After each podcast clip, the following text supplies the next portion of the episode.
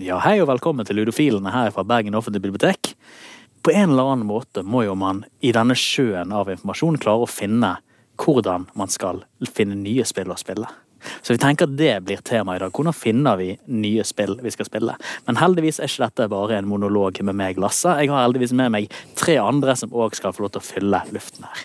Jeg har med meg Grim. God dag, Grim. Hallo, seg. Takk for at jeg kom tilbake. Ja, det er lenge siden sist. Du har helt Fra eksil. Det er fint du hadde tid i din ellers opptatte, viktige hverdag til å ha tid med oss òg. Jo, nei, eh, det er stjernene alene.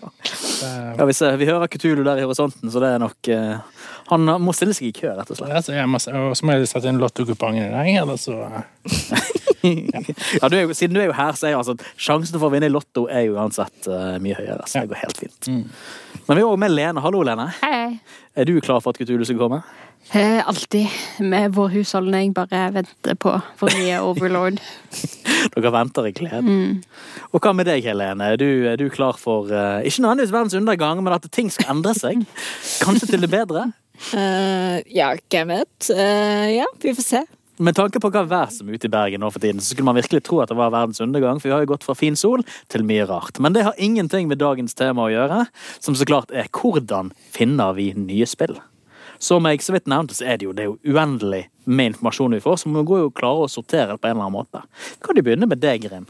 Hvordan er det du finner nye interessante spill å spille? Spiller du nye spill, eller spiller du fremdeles bare samme gamle spill som du har spilt i 20 år? Det er, det er nok eh, en del av de samme gamle spillene som går mye igjen. Men eh, jeg finner jo Jeg føler ofte at jeg får de gjennom enten sånn tilfeldig reklameproduktbasering på sånn Facebook eller noe sånt. Eh, eller altså når jeg sier Facebook, så mener jeg da at en artikkel skrevet av Kotaku oh, ja, sånn sett. sett, blir foreslått til meg som en sånn ah, Ja, for jeg skulle til å si det. altså Facebook-reklamer for spill pleier generelt sett ikke for meg til å være så veldig eh, Nei, nei, nei. spot on, tenker jeg. Men, men det, det- virker som om at Facebook-algoritmen har forstått at når Kotaku skriver om en viss type spill, så skal de foreslå det, den artikkelen til meg for å trykke på. Og eh, irriterende nok så er det ofte litt sånn der ah, så. Så det virker som at den eh, funker, da. Eh, ellers så det Ellers er det mye word of mouth, eh, men over nett, da. Eh, ikke nødvendigvis en, en reell person som sier noe til meg, men at eh, jeg ser på en eller annen stream, og så spiller jeg et eller annet spill, og så ah, dette ser litt moro ut. Eh, eller ja. Det er vel de to i hovedsak som skjer. Ja, Hva med deg, Helene? Dette her, Helene, sier jeg og peker på Helene. Eh, hva med deg, Helene? Høres dette her ut som om det gjenspeiler hvordan du får spille? Altså Kommer det via artikler som blir presentert via sosiale medier? Og kanskje ser du noe på stream, eller har du andre kanaler? Um, altså, de siste par årene så tror jeg jeg har fått veldig mye gjennom uh, spillsels... Eller eh, sånn som PlayStation sine eh, annonseringer, for eksempel. De har jo Tenker eh, du da på PlayStation-plattformen eller på deres egne sendinger? Det er på de sendingene. Jeg husker ikke helt hva de kaller det, men sånn som eh, jeg tror Nintendo kaller det for Nintendo Direct, Ja. for eksempel. Sånne type ting som har vel, er vel litt av grunnen til at E3 nå nærmest er død. Ja. fordi at de begynte med sånt sjøl under pandemien og sånt. Mm. så der har jo jeg og samboeren min eh, sittet opp seint eh, kvelder for å få med oss PlayStation eh, sin sending. Eh, for å se om det kommer en ny trailer til et spill som er blitt nevnt et eller annet sted. Og, og, sånt. og eh, få åpnet opp for eh, andre spill som de viser på de, da. Så veldig mye av det, men ellers eh, veldig liksom Grim. Folk jeg følger på Twitch eller på YouTube som sitter og spiller noe, så noterer det ned. Jeg er veldig typisk legger de ønskelisten, kommer ikke lenger. Men eh, blir i hvert fall interessert og ser hva som skjer eh, og sånt. Ellers så er det venner eh, som anbefaler. Eh, I siste så har Lene faktisk stått for en del av eh, ting som har kommet min vei. Så anbefalinger via Messenger, altså. Ja, Messenger og Instagram. Det har kommet litt der òg. Så ja. Men hva med deg da, Lene? Nå har jo du blitt nevnt som at du er en influenser. i hvert fall. Det høres ut som du har effekt på andre, men hvordan finner du Spillfluencer.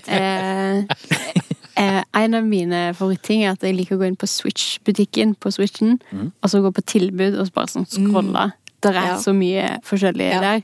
Eh, noen, noen ganger så finner du ting som faktisk er bra, og noen ganger så er det bare sånn hvordan i all verden har dette blitt et spill? Så uansett så er det underholdende.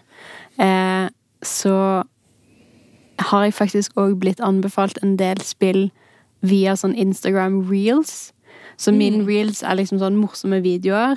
Eh, Fantasy-bokanbefalinger og sånne cozy games. Ja, jeg òg har fått det sånn der eh, hvor de har sånn eh, fem cozy games hvis du liker Stardew Valley. Mm. Det kommer også veldig mye på TikTok og Instagram hos meg òg. Mm. Men det funker veldig bra i det der kortformatet, mm, for de får nok informasjon. Så Ja. Men da får du sånne kort, altså sånn type, type et, et kort 10-20-30 sekunders klipp. Føler du at det gir deg liksom nok informasjon til at dette her er noe du vil gå etter allerede? Altså, Er det bare liksom Det gir deg insentiv til å grave mer om akkurat dette? Altså, da får jeg OK, dette Eller går liksom rett i butikken og kjøper det med en gang? Eh, Dette er et cozy spill, så får jeg sett grafikken. Eh, Så som regel så har de en setning eller to om bare sånn viben, eller hva du kan gjøre i spillet. Og basert på det så vet jeg sånn, er dette noe for meg eller ikke. Litt sånn Eh, leseservice for Ja. spill, med andre ord. Egentlig, og det funker veldig bra. Okay. For det, ofte så kan jeg være interessert i spillmekanikken, eller liksom hva man kan gjøre i spillet, men bare ikke orke grafikken. Altså hvis det ser ut som sånn eh, brettsleketøy i en sånn der eh, Ja, altså Skjønner du? Ja. Ja, det må jo være et eller annet med estetikken som, Ja. som appellerer, absolutt. Hvis det blir for barnslig, så bare orker jeg ikke. Men er det, er det, er det spesifikke Instagram-profiler som lager disse Mm. profilene? Ok, Så du har tillit til de som eier kanalen på Instagram? Og så når de får Altså, de kommer, på reels så kommer det bare fra tilfeldige mennesker, Ja. men algoritmen har skjønt at jeg liker cozy games, for da har jeg ofte lagra det, eller sendt det videre, eller sett det veldig mange ganger, eller noe sånt. Og så skjønner algoritmen at ok, dette er noe som interessant. Ja, og så er de ofte veldig sånn eh, ja, de, de er veldig sånn eh, nesten objektiv på måten de snakker om spillene. I hvert fall de jeg ofte har fått opp, så er det bare litt sånn eh, Dette er det det går ut på, og det er liksom samme ja, viben som Stardew Valley, eller eh, noe sånt. Altså, på den måten så er det nesten sånn du trenger egentlig ikke å ha så veldig sånn i forhold til hvis du eh, leser en anmeldelse, eksempel, da er jeg veldig sånn ja, men vi har ikke samme smak, så jeg eh, kan nesten ikke helt lese den anmeldelsen. Fordi at jeg vet at vedkommende kom Altså, jeg ville likt det de ikke liker og sånne ting, men dette her er bare mer sånn eh, forteller at du kommer til en landsby, og du skal hjelpe landsbyinnbyggerne, og du skal være, ha bondegården din. Altså veldig sånn Og du får se det, for jeg er også veldig på det at du får se hvordan spillet faktisk ser ut. Fordi at eh, trailere i dag kan være veldig annerledes, for å si det mildt, enn hva, hvordan spillet faktisk ser ut, til og med. Grafikken trenger ikke være lik engang. For det er litt, veldig interessant for at vi eh, egentlig, merket at jeg ikke så at det var denne retningen denne samtalen kom til men altså når jeg, jeg jobbet jo i spillbutikk i eh, noen år, for mange år siden. Eh, Og en av de første tingene jeg lærte meg, var jo at jeg, man kan jo ikke stole på folk som anmelder nye spill. Eh, for det, og eh, det var jo en hel greie der han ene i GameSpot ble, fikk sparken fordi han ga Kane and Lunch to spiller en syv av ti, eller noe sånt. Og det var for dårlig, så da startet han opp sitt egen nettside for oss. Anyways, poenget er at siden da så har det vært veldig sånn her ah, Jeg kan i hvert fall ikke stole på de som prøver å selge deg spillet om at dette spillet, spillet Ja, er bra. nei, for i hvert fall sånn, de videoene jeg får opp sånn, det, det kan sammenlignes litt mer som at du er inne på et spill i Steam eller noe sånt, og du får opp andre folks spiller også. Ja. Det blir litt sånn mer det at du, de har rett og slett funnet spill som du kan sammenligne med Mm. så de er ganske lik på mange uh, måter da, og da blir det litt mer sånn eh, ok, det, uh, i hvert fall hvis det starter med Liker du Stardew Valley, så har du meg seende hele videoen. Fordi at jeg uh, elsker Stardew Valley og ser alltid etter sånne type spill. Mm. Og det, som regel så er det alltid flere spill i én kort video. Ja. Bare et par liksom, sekunder omtrent 10-15 sekunder eller noe sånt. Eh, og det er sånn der Å, ti koselige spill jeg har spilt i april, eller eh, disse spillene gleder jeg meg til å komme ut, eller altså De har en sånn vinkling på det, og ofte så har du hørt om eller spilt noen av de andre, og da kan du på en måte sånn Ok, denne personen har litt samme smak Ja. som meg. Ja, for da blir det jo at det blir veldig mange sånne små drypp at du har hørt om dette mange steder før. Mm. Du gjør liksom ikke den endelige avgjørelsen på én kilde. Det må liksom bygge seg opp over tid. Ja, jeg tror denne ideen med at det, det å sørge for at man da har en slags tillit til den som formidler, om at de formidler noe som de faktisk liker, ikke bare noe de har fått beskjed av sjefen sin om at Ja. vi må ha en artikkel om dette Ja. her. sant? Uh. Ja, ja, for det er noe Og det er litt sånn som Husk Husker på at eh, Nå har jeg nærmest sluttet å lese anmeldelser av film og spill og sånne type ting. Fordi at det er Uansett hvor objektiv du prøver å være, så klarer du ikke det helt. Du kommer til å se på ting eh, Altså sånn som å lese en anmeldelse I hvert fall for noen år siden, litt annerledes, men for noen år siden å lese anmeldelse av Marvel Films filmer, det var bortkastet for min del, fordi at jeg syns de filmene er gøy. Ferdig med det. liksom. Jeg kommer til å se det uansett hva anmeldelsen gir han treer eller sekser. Ja, så det en- det, er en profesjonell kritiker ser etter. Ja. Mm.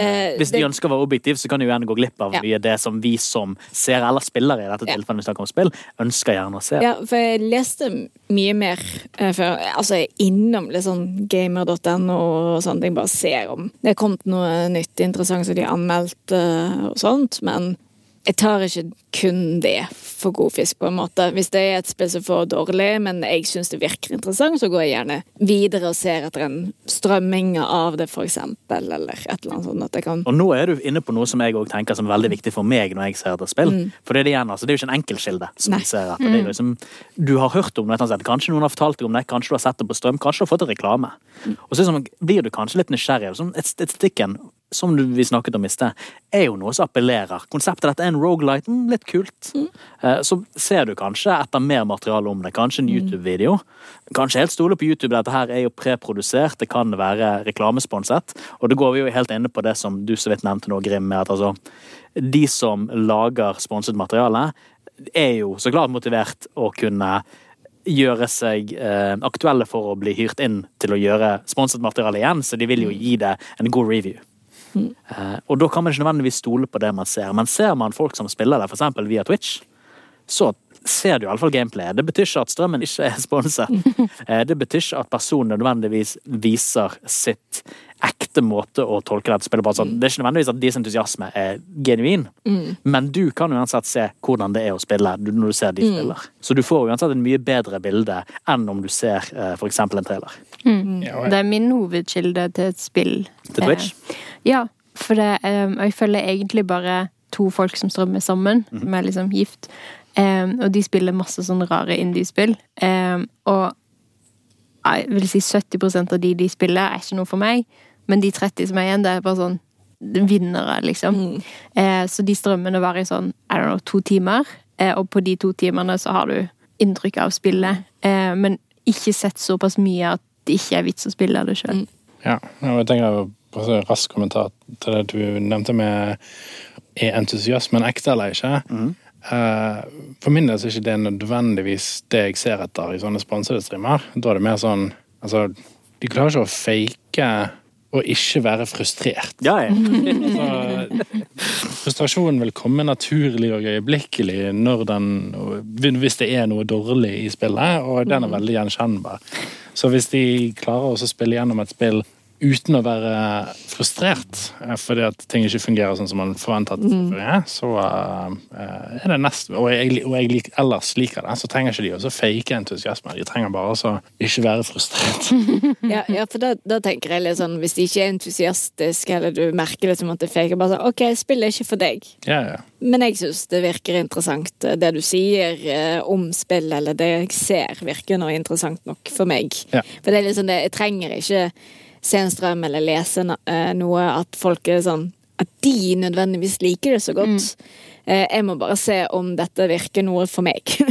Ut ifra det de sier om gameplay, om det er eh, frustrerende kontrollere. Nei takk. Eh, er det utilgivelig spill? Nei takk. Ja. Eh, altså sånn type ting. Det er liksom det jeg ser, eller prøver å høre etter og finne ut av når jeg ser på en strøm, eksempel. er- Til, tilbringer du like mye tid inne i her ting enn som spilling? her? Ja, det, ja. Liker du Excel-simulatorer?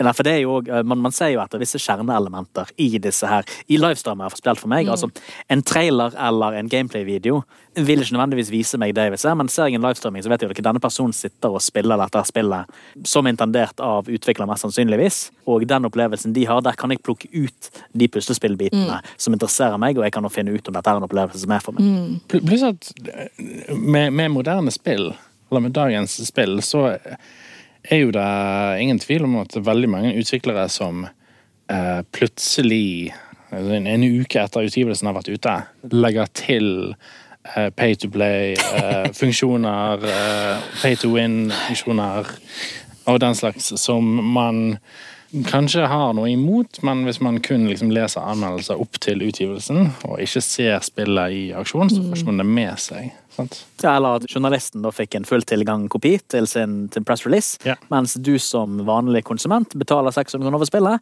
og så er det 1200 kroner med DLC du ikke har. Ja. Eller at eh, den har, eh, som også veldig mange store spill har i dag, at de kommer ut med litt sånn game-breaking eh, bugs. Ja, ja. Som du også ikke får vite før liksom, folk som ikke har forhåndsversjoner. Eh, ikke nødvendigvis eh, får opp eh, når de legger ut sine, men du må følge noen som har fått spillet den dagen det kommer ut, og starter det opp. Det er jo da du gjerne får vite om disse bugsene. Som er sånn Ikke nødvendigvis at det får meg til å ikke kjøpe spill, men jeg sa OK, jeg drøyer den litt. Ja, pluss at det er litt sånn der, den der gleden med å gå i butikken og kjøpe et spill, og så gå hjem og så spille det, er på en måte Det er så annerledes nå. For at nå, altså nå ikke at man kjøper spill i butikken lenger, men uh, når du først kjøper det, så er det så mye sånn der åh, så må vente på at den kopierer data, ok, og så må man installere, sant? og så fire timer senere, så, Så er det tre day one-updates. Ja, ja, ja. Og det er bare åh, Ja, men det var jo en prosess før òg. Jeg husker med, det var vel første Sims-spillet. Eh, Jeg hadde i hvert fall fordi Ja, det var vel på hadde jeg- fire plater, var det ikke? Ja, det er fire plater. Eh, nå må du ta Da kunne du ikke bare sette det på og så gå din vei. Da måtte du stå der eller sitte der og vente. Ok, nå er det disk to. ja, ja. Ok, disk tre. Og når du kom tilbake til disk én, da kunne du eventuelt forlate Og hvis du var heldig på den tiden, så hadde du en firespeed CD-ram. Ja. Og da tok det bare en halvtime per plate. Bare. Nei. Nei, det er en men, ja, når når jeg var ung, så hadde vi, altså, da var det bare å gå rett i butikken og kjøpe et Nintendo-spill. Og putte inn i Nintendoen. Håpe at Nintendo ikke tullet seg. Og så satt du i gang og spilte. Trykket på A og B og løpte utfor en kant og døde. Ja, ja. Men eh, siden altså, Jeg har lyst til å si Siden PlayStation 3 så er det jo til at det er installerte komponenter man forventer nettilkobling. Og da blir det jo sånn som Grim sier, at når du kjøper et spill, så blir det alltid en haug med greier før du faktisk setter i gang med det. Ja. Men det, det, er det, det fikk meg til å tenke på eh, og lure på hva dere føler. Føler dere at dere er mer skeptisk til spillene før dere kjøper dem nå, enn hva dere var? Oh, ja, ja, ja. For jeg føler jeg det at eh, før, når du da gikk på GameStop eller Game eller platekompani eller hva det var, og bare gikk inn og så litt sånn Å, ja, Spiderman, det må jeg ta. Mens nå føler jeg at det er en hel sånn Det kan ta meg måneder før jeg kjøper et spill, selv om jeg egentlig vet at dette er noe som er interessant for meg. Men jeg må, det er sånn mye vurdering på det, og det kan være også med at jeg er blitt voksen og betaler betale regninger òg, for all del. det er en del av livet òg. Ja. Men jeg føler at jeg jeg bruker så ofte Enten så er jeg veldig impulsiv med å bare kjøpe, men av og til så føler jeg at nei, nå, nå må jeg inn, og så må jeg se eh, noen strømminger av det, og så må jeg vurdere litt mer, og så må jeg se er det noen game eh, Gå på Reddit og se om det er noen bugs inni det. Altså, jeg føler det er en helt annen prosess enn bare sånn Å, nyeste sånn og sånn er kommet ut. Gå og kjøp det. Ja, For meg er det egentlig tre elementer der som, som holder meg tilbake fra å være like entusiastisk, engasjement, engasjementsfull førstegangskjøper som jeg var før. Og det er en så klart at altså, veldig veldig mange spill eh, blir, iallfall trippel A, blir dyttet ut med mange problemer. Jeg husker som sagt Cyberpunk 2077, som var nærmest uspillbart på veldig mange plattformer når det kom ut. Det var kun da- PC det funket på. eh, Ja. PC funka det ganske ok på. PlayStation 4, Xbox, Ja. ikke sjans. Det der nye Pokémon-spillet òg, der du bare Ja, liksom der falt. Bare sånn, at ikke kan spille det. Ja. Hvis du spiller et spill på dag én, så får du mest sannsynligvis en veldig dårlig opplevelse. Eller du får iallfall ikke den beste opplevelsen. Så det er alltid Ja. best å vente en stund til de har klart liksom å, å patche vekk de første bugsene. I tillegg er det jo veldig veldig, veldig mange spill som er early access, som gjør at du kan spille det tidlig og bli kjent liksom med the, the core gameplay, men da får du en veldig nedstrimet opplevelse. og Da kan det bety at du kan spille deg lei på spillet før du faktisk får en fullverdig opplevelse, som egentlig ødelegger det for deg. Ja. Og det oppfordrer deg igjen bare til å vente egentlig til de er ferdig å polere det. Og den siste er jo at det er jo så mye spill. Ja. Jeg har ikke hastverk med å kjøpe et spill, fordi jeg har allerede så mye å spille at jeg trenger ikke å utsette meg for de to andre problemene. Altså med dårlige launches og uferdige produkter. Før jeg faktisk føler jeg har tid til å dedikere til dette spillet. Ja. Ja, nei, og pluss at jo eldre man blir, jo flere sånne spill man tror er gøy og kjøper, viser seg å ikke alltid være så Ja. gøy som man tror de er. Og da blir man, da blir man skeptisk, sant? Ja. Man har kjøpt Ja, liksom ti spill og, og sånn, men denne gangen blir det gøy.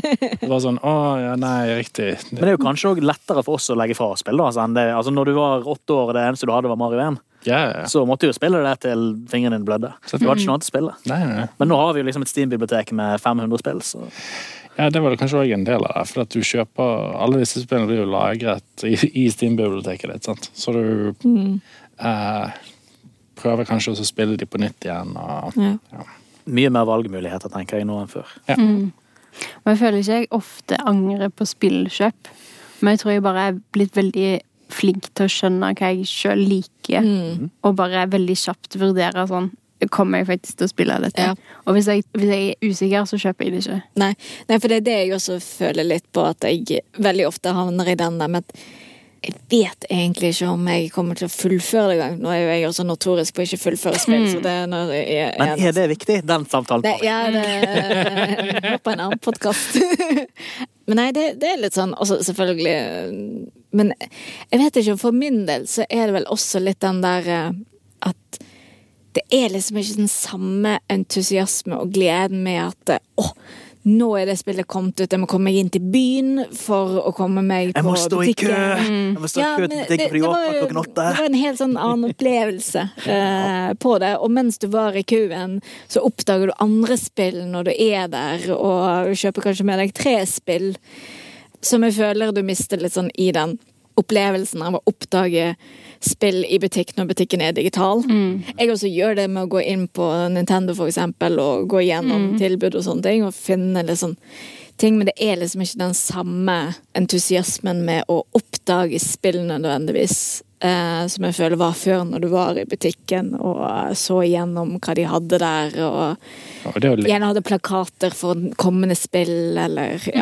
og liksom åpne og så lese booklet. Ja, Ja, ja, men- var jo skjær- det var det magiske. Ja, men det, hele den opplevelsen av å gå til en spillbutikk og oppdage spill der, samtidig som du skal ha det spillet som du betalte 50 kroner for å forhåndsbestille hos GameStop eh, og sånne ting, eller eh, midnattutgivelser eh, av ting og sånne ting. Du har liksom ikke den samme, samme greien der, da, med den Nei, eller bare gå på sånne spillbyttegreier, og så bla igjennom disse Ja, ja. herrene. Ja. Der det bare alt var forskjellige greier. Ja. Eh, jeg, jeg gjorde det en gang da jeg var barn. Eh, da fikk jeg lov til å velge meg ett spill, og så bladde jeg gjennom Jeg tror det var på PlayStation 3. Mm. Et sånn eh, spill der du var en hund. Og det var bare sånn solgt. Jeg tror det kosta sånn 50 kroner fordi det var brukt, eh, og jeg spilte det i timevis. Ja, altså, når vi dro til England og sånne ting, var på jeg tror det er HMV, eh, butikksetet, så litt sånn platekompaniaktig. Der også hadde de sånne her eh, brukte spill og sånn. Så mange spill som jeg oppdaget og fikk kjøpt, og spill jeg hadde hørt om, men aldri fått hendene mine på, sånn som Final Fantasy 10. Og 10-2 kjøpte jeg eh, i London, og det var bare sånn Wow, få tak i det! Eh, som jeg bare har hørt legender om. det er sånn, bare den der, ja, det, bare den der eh, For jeg tror det er det at Jo, jeg er inne i disse butikkene og liksom ser og browser eh, og sånne ting, men det fanger meg ikke på samme måten som når jeg sto der med spillene i hånden, da. Det her er kanskje en liten digresjon, altså får dere bare være helt, eh, helt uenige. Men uh, har dette òg kanskje noe med at eh, denne delen av kulturlivet, altså spilldelen, har ikke et sted i det offentlige rom på en måte som kanskje andre typer kulturopplevelser har. Og det å kunne gå til en butikk som, som der du kunne delta i det offentlige rom, på en måte, i den kultur Altså spillopplevelsen. Et sted som man føler seg hjemme i, et sted som tar din kulturinteresse på alvor. Altså at det er kanskje en del som, eh, som vi savner? Er det noe, er det noe der? Ja, altså, det, var jo en, en altså, En ting var jo eh, med elektronikk- og spillbutikker. Så veldig, altså, det var ikke bare et sted der de solgte spill, det var jo et møtested der de møtte andre som interesserte seg for dette her. Altså, det er jo ikke, jeg kan ikke telle engang hvor mange timer jeg liksom sto foran PlayStation eller Nintendo på Aker Smik. For gud vet hvor mange år siden her i Bergen. Ja, ja, ja, ja, ja. Og det var jo liksom de samme fjesene som gikk igjen. Du ble jo kjent med de folkene som gikk der, du ble venner. Du stakk innom der etter ungdomsskolen hver gang. Og samme også senere på, på nettkafeer, sånn som Gnet og Metropolis her i Bergen. Det, ble liksom, altså, det var jo I tillegg til at man kommer dit for å spille, så ble det jo en hel sosial dimensjon rundt det. Eh, som, òg så klart man, man får i butikker og så videre hvis man bruker det som et sted man uansett ikke nødvendigvis går for å kjøpe den, fordi du, du, vil, du vil browse. sant? Ja, det, Og det eksisterer jo ikke hvis du bare sitter på PC-en. Greit, du har jo chatterom og så videre, men det er jo en helt annen greie. Absolutt. Det å så kunne delta i, uh, altså, i, i meatspace med, med kroppen din. Ja. Æsj. Du har kjørt Meatspace før. Anyway, det var, var en sånn digresjon, for vi sitter og snakker mye om det samme, dette med å bo et sted og mm. uh, bruke det fysiske rommet til å finne ting som kan bidra til din kulturelle interesse. Mm. Ja, for det er mm, Bare som følgelegg på det, så har vi jo heldigvis i nyere tid fått Spillhuset eh, her i Bergen. Eh, hvor du har det på én måte, men ikke helt akkurat det vi snakker om med dette med å oppdage spill i tillegg. Eh, med den der å bare gå igjennom spill og stå der og se og, og ja.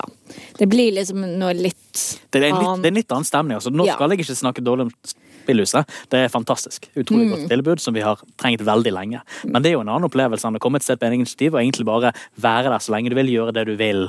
Eh, Altså, jeg vet ikke, Det er en annen følelse som er vanskelig å beskrive. Nå er det så klart bare nostalgien som snakker. Ja. For dette er jo noe som skjedde Ja, for da. 20 år siden. Og det igjen, det spillehuset er, det er spesielt for barn og unge i dag. Mm. For oss så eh, savner vi butikken, for det er der vi føler at det, det hadde vært mest naturlige gjerne for oss å gått og sett igjennom spill og tatt det med Gamlingene som snakker om låvedansen, vet du. Ja, det, det, der vi er. Altså, det- kan også bruke biblioteket der med å se igjen og få testet spill og, Det er sånne ting, da. Og der kan du komme og se på fysiske ek- Ja. eskene òg, så det her blir litt sånn som den butikkfølelsen du hadde fra, fra 90-tallet, men du må ikke betale. Ja. ja enda bedre, egentlig. eh, bruke pengene, Men ja, Med mindre du leverer for seint. Da blir det Ja, okay. Men eh, nei, det er bare Ja. Jeg tenkte veldig mye på det at det, ja, Tilbake til det sånn der med å oppdage spill og bli liksom mer skeptisk. Ja. Eh, ofte. Bortsett fra når jeg får de der reelsene med Corsi Gaming. Det er veldig mottakelig. Men de, det er som ofte indie games som ikke koster så veldig mye heller. Jeg tror det er mer disse triple Det er veldig lite Triple A-spill jeg faktisk spiller lenger. Ja, men de er så himla dyre, og så er det veldig sjelden jeg føler at de på en måte er verdt Ja. det. Nå er det vel 800 kroner de skal ha for nyeste Fifa, tror jeg. Og det er før du tenker på alle ABG. pengene man bruker på mikrotransaksjoner i tillegg. Ja. Ja, men det er liksom det at eh, jeg og samboeren min har gjerne delt prisen på nye Triple A-spill som vi begge to er interessert i, fordi at vi begge to er litt sånn Vi har råd til det, men mye penger for å komme Du vet jo ikke hvor mye du får ut av det på forhånd og alt det Med mindre det er sånn Ellen Ring. Er det Ja. sånn, ja, ja. Ja, Nei, ikke i vårt hus, da. Men, eh, eneste trippel A-spillet jeg har Altså Foruten innenfor fighting games og sånne ting, kan man si at det er det trippel. Jeg tror ikke. Anyway, poenget er at de, de eneste trippel jeg har sett fram til, og som jeg fremdeles ser frem til de siste par årene, er vel egentlig det nyeste GTA som skal komme. Og det er sånn, for at jeg, er, jeg er veldig Jeg syns den gameplay-loopen i GTA er, den er helt perfekt for min smak. Hvor kan man spekulere i hva betyr det? Men, eh, Så ikke, ikke sett Grim i nærheten av våpen og kjøretøy. med andre ord. men det er liksom alt av sånn der eh, Call of Duty og det er veldig mye av de trippel A-spillene som føles veldig masseprodusert. Mm. Jeg, jeg, spilte, jeg har spilt gjennom alle disse, disse her um, Uncharted-spillene, men eh, jeg føler at for hver gang jeg kjøpte det, så var jeg litt mindre interessert. Ja. Eh, Det er litt sånn Ja, Det samme har jeg kjent med Assassin's Creed-spillene. Altså, de utvikler det jo, men det er veldig safe, alt det de gjør. Ja. Det er sjelden det blir veldig sånn Det er ikke en ny opplevelse. Nei, det, det er vel kanskje det det går i, kanskje. Nei, Odyssey vil jeg alltids argumentere for. eh, Veldig, veldig bra av Assassin's Creed, men ellers uh, veldig enig i det. Altså, for det er sånn Hvis dere som hører på ikke vet det, så har vi hvert år en Best of-liste fra spilltime. Og frem til forfjor, så å si alle spillene jeg hadde på listen, var alltid Triple A. Det var liksom min greie. Jeg spilte ikke indiespill. Eh, Det er kanskje flere år, eller et par år, men det er i hvert fall et par år siden så var det så å si bare Triple A-spill jeg hadde på. Men så, av en eller annen og jeg- Igjen, jeg tror det har noe med Stardew Valley Jeg tror faktisk det er den store greien som fikk meg til å begynne å lete etter andre småspillige eh, hermetegn. Ja, men det er, det er laget av én fyr, ikke Ja, men det, det, det. ja, det er det som veldig. bare jeg tror eksploderte hodet mitt. Mm. For at dette her, som er så sinnssykt bra, er lagd av én person. Og da har jeg liksom prøvd å igjen Også da prøve å finne andre måter å oppdage spill, fordi at da blir liksom ikke å oppdage et nytt Altså For all del, når Square Enix kommer med nye spill, så er jeg alltid liksom med. Men det er, ikke, det er ikke nødvendigvis sånn at jeg kjøper det lenger. Men jeg er alltid litt sånn interessert og ser litt på det, men så veldig fort så ikke så, ja, så mye å gjøre. Men når det kommer sånn disse cozy gaming og sånn, så går jeg faktisk mer inn for å finne ut av mer og oppdage mer rundt eller lignende spill eh, og sånt, da. Mm, Men nå, nå har jo du òg rørte inn på to poeng til som også er viktige når det kommer til hvordan man får tak i, eller hvordan man finner nye spill. Og det er jo så klart etablerte uh, utgivere eller utviklere som man kjenner til. Hvis de kommer med noe nytt, og man har likt det tidligere før, så er man alltid interessert. Ja. Eh, når for eksempel Clay, som lagde eh, Don't Starve, når de kom med nytt spill, Oi, de, Don't Starve jo kul. Kul estetikk, gøyt gameplay. Jeg er interessert i å se hva de gjør. Ja. Så da får jo de automatisk interessen din uten at du nødvendigvis vet noe, og du vil ønske å følge med. Jeg er Concern Ape som har laget Stardew Valley, jobber med sitt andre Ja, det er sjokolade, Haunted Chocolate Factory, Ja. eller hva det er. Ja. Tear. Ja. Chocolatier, ja. Eh, Som jeg tror er liksom i samme univers som Stardew Valley. da. Men nå har han, nå har han pause på det for å gjøre en update til Stardew Ja. Valley. da. Men jo da, med en gang jeg fikk, eh, så det på Twitter, liksom at han holdt på med en eh, ny en, eller han hadde droppet eh, en teaser eller et eller annet sånt, så selvfølgelig med en gang med. For eh, det han holder på med, er bare interessant eh, uansett på grunn av hvor bra Stardew Valley er. Ja, Nå glemte jeg dessverre det andre poenget jeg skulle ta, men jeg vet at vi har brukt litt tid nå, så jeg tenker før vi gir oss, så tenker jeg ok, vi vet jo hvordan vi finner spill nå. Eh, Vi klarer jo å finne spill via strømmere på Twitch, for eksempel. Via reklame kommer jo, det gir oss et inntrykk, det òg. Men også klart via annonser, via, via artikler, via word of mouth. Det er jo dette her som gjør oss bekjent om ting. Men hvordan fant du spill før? Vi har jo snakket om butikkene, Grim. Men var det andre måter vi fikk inn denne her eh, Jeg satt jo hos venner og spilte Super Nintendo så de dette var gøy og du ble kjent med ting, men var det bare venner og butikker? Eller har du noen andre triks på å finne spill? Altså, I gamle dager. Det er, Relevant. eh, det er Jeg husker jo eh, på ungdomsskolen så drev man også lånte spill av hverandre veldig ofte. Sant? Det høres ut som et prinsipp som er kjent i biblioteket. Jo, men altså folk som kanskje bodde langt Altså jeg gikk på skole på landet. sant? Så kanskje folk bodde såpass langt unna skolen at det var mye lettere å bare låne spillet i et friminutt, og så kan jeg spille det hjemme, liksom. Og så kan vi snakke om det på skolen dagen etterpå. Men jeg ser etter, etter det, da, når jeg ble eh, etter ungdomsskole og inn på videregående og sånne ting, da var det nok disse bladene med PlayStation Demo-disk eh, inn- inni og sånne ting. Men eh, ja, jeg leste vel noen anmeldelser på den tiden òg. Det var noen som hadde anmeldt uh, Siphon Filter og sa at uh, å, hvis du likte Metal Gear, så må du prøve det. Jeg har ennå ikke spilt Filter, da, men uh, Effektiv. Men hvorfor husker du det fremdeles. Ja, det har jo det er imponerende det at det har festet seg i Ja. hodet ditt. Nei, jeg husker bare ja, men det var for at På det tidspunktet så hadde jo man bare DOD-spill. Liksom. Ja, Ja, det er sant. Ja. Ja, nei, jeg leste jo mye. Jeg, eh, det var en, et år på en bursdag. Eh, Jeg hadde fått et årsabonnement på Nintendo-magasinet. Og det er jo så klart eh, Det var, et sånt eh, reklameblad for Nintendo-spill. Så klart med masse kurioser og interessespalter og den type ting. Men i hovedsak var jo dette bare et blad for å selge spill.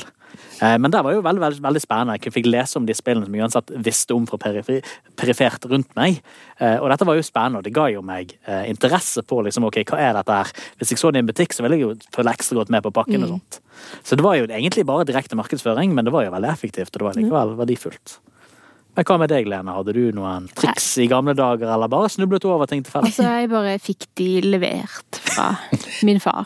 Eh, ellers så De kom jo i eh, frokostblandingene. Oh, ja, okay. Bare sånn der en verdens beste spill. jeg trodde det var et spill. amerikansk konsept. Jeg, Nei, nei. De var i sånn der en sjokopops og Ja. sånn. Cornflakes Ja. Det var et spill med han der tigeren. Ja, Tony the Tiger. Tony the Tiger. Um, ja. Var spillet bra? Nei.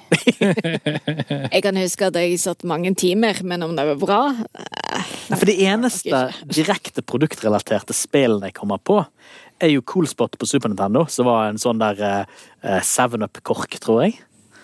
Og eh, Chupa Chups, en sånn der eh, type slikkepinne-greier. Altså, det var jo bare ganske tafatte eh, plattformspill alt sammen, da. Ja. Men åpenbart, det, det henger jo fast, så det må jo ha hatt en effekt, dette her. Ja, altså, jeg ser for meg eh, Tony the Tiger, uh, spacebar hopp. Eh, altså, det var, det var sånn 2D-aktig um, Gikk en vei. Det var plattform, altså. Ja. Men dette her var jo sikkert også mye mer konvensjonelt. Jeg tenker Det som er veldig fint med moderne måter å finne spill på, er at man har jo mange flere kanaler og mange flere muligheter til å sjekke spillet før man faktisk kjøper det. Og ikke bare via demoer og den type ting, som er veldig tungvint nå for tiden. Nå er jo Street Fighter 6-demoen kommet ut. Det spillet kommer ut i løpet av sommeren. Eh, Demoen er vel på 15 gigabyte, tror jeg. Eh, Så det er jo tungvint å prøve. Og det er ikke fristende for meg å, Ja. å laste ned. Nei, nei, nei. Eh, De, for, for så vidt, da, siden jeg er interessert i den saks, så sier de at det spillet skal kunne lastes ned i forskjellige chunks. Okay. Så hvis ikke du er interessert i Singleplayer. player Ja, så er trenger ikke du laste den ned bare for å spille multiplayer-deler. Og, og omvendt. Så, Veldig eh, Men det liker jeg faktisk veldig godt når spill har demoer. Mm. Ja, For da kan er du bare fast. spille litt av Ja. demoen. Og det er jo veldig, mye, veldig greit i indiespill, for eksempel. Mm, der ja. er ikke nødvendigvis 16 gigabyte. Der kan du laste ned 100 megabyte og få liksom en, en følelse av hvor gameplay-loopen. Men det jeg skulle fram til, var at altså, man trenger ikke laste ned demoer for å likevel få et godt inntrykk av spillet, fordi man har jo Twitch-kanaler, man har jo den type ting. Så jeg, jeg føler egentlig vi, er, vi har veldig mye å forholde oss til, men vi har òg muligheter til å kunne gjøre bedre valg, selv om det er så galt lett å bli tatt av hypen av og til, og gjøre noen kjøp som ikke nødvendigvis får så mye spiltid som man skulle håpe. Men det tror jeg vi tar i en annen episode. Jeg tror vi må ta og gi oss for dagen, altså. Helene, Lene, Grim, hyggelig at dere var med meg i dag igjen. takk, takk. Jeg håper dere har mulighet en gang òg. Sjøl du, Grim, som jeg vet er en opptatt mann. Ja, jeg sier mitt beste. Ja, men, det men det er alt her fra Ludofilene her i Bergen Offentlige Bibliotek for i dag. Eh, takk for at du lyttet, og vi snakkes neste gang. Ha det bra. Ha det bra.